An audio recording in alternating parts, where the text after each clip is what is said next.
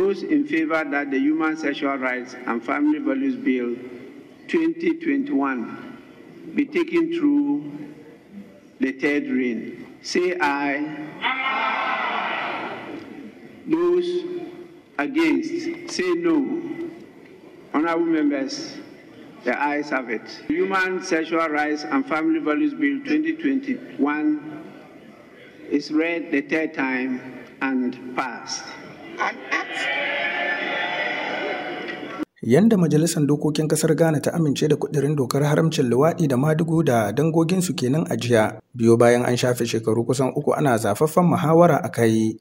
Sabon kudirin dokar zai sanya hukuncin daurin shekaru uku a gidan kaso ga duk wadda aka samu da laifin auren jinsi, sai dai masu tallafa mu ƙungiyoyin LGBTQ+ tare da kafa ƙungiyoyin ma za su fuskanci hukuncin dauri har na tsawon shekaru biyar a gidan kaso. Amma ko sai in shugaban ƙasar Ghana ya sanya hannu akan kudirin dokar da majalisar ta amince da shi kafin ya samu inganci. Sam George shi ne ke jagorantar masu gabatar da kudirin dokar kare hakkin jima'i da darajar iyali. Bayan amincewa da kudirin dokar a jiya ya ce yana fatan shugaba na Nadu Danko Akufo-Addo ya cika alkawarinsa ta hanyar sanya hannu kan kudirin dokar.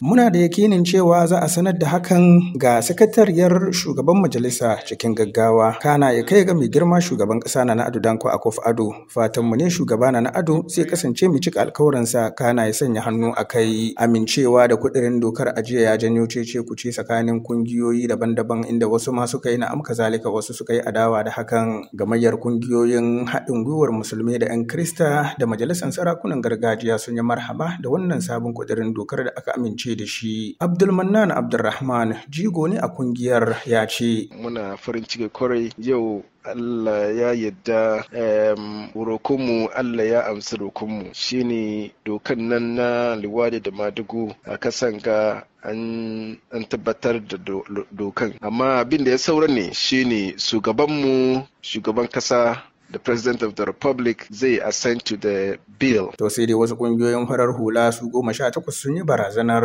ɗaukar matakin shari'a idan shugaba na Ado Danko Akufo-Addo ya amince kana ya sanya hannu akan kudirin dokar shugaban cibiyar bunƙasa dimokuraɗiyya ta Ghana wato CDD a taƙaice farfesa Audrey Gachepo ya ce ƙungiyoyin za su gabatar da jawabai ga shugaba na Ado Danko Akufo-Addo inda za su buƙaci da kada ya amince da kudirin dokar hana LGBTQ a nan ƙasar sabida yana da hatsari sosai ga marasa rinjayi. So we will make representation to the president not to assent to the bill. Amurka ma da ta kasance abokiyar hudda ce ga ƙasar Ghana ta damu matuka da yadda majalisar dokokin ƙasar ta amince da dokar wadda zai yi barazana ga 'yancin faɗin albarkacin baki da ma 'yan jarida da taron jama'a da tsarin mulkin ƙasar Ghana a faɗarta. To sai dai ba wannan kaɗai ba har da ma tattalin arzikin ƙasar sabida gamayyar ƙungiyoyin kasuwanci na ƙasa da ƙasa sun bayyana cewa irin wannan wariya a Ghana zai kawo illa sosai ga harkokin kasuwanci da ci gaban tattalin arzikin ƙasar. To koya al'umman ƙasar suka ji da wannan matakin majalisan? Malam Tijjani fatanmu na yanzu muna roƙon shi shugaban kasan idan takaddun kai gaban shi shi ma ya rattaba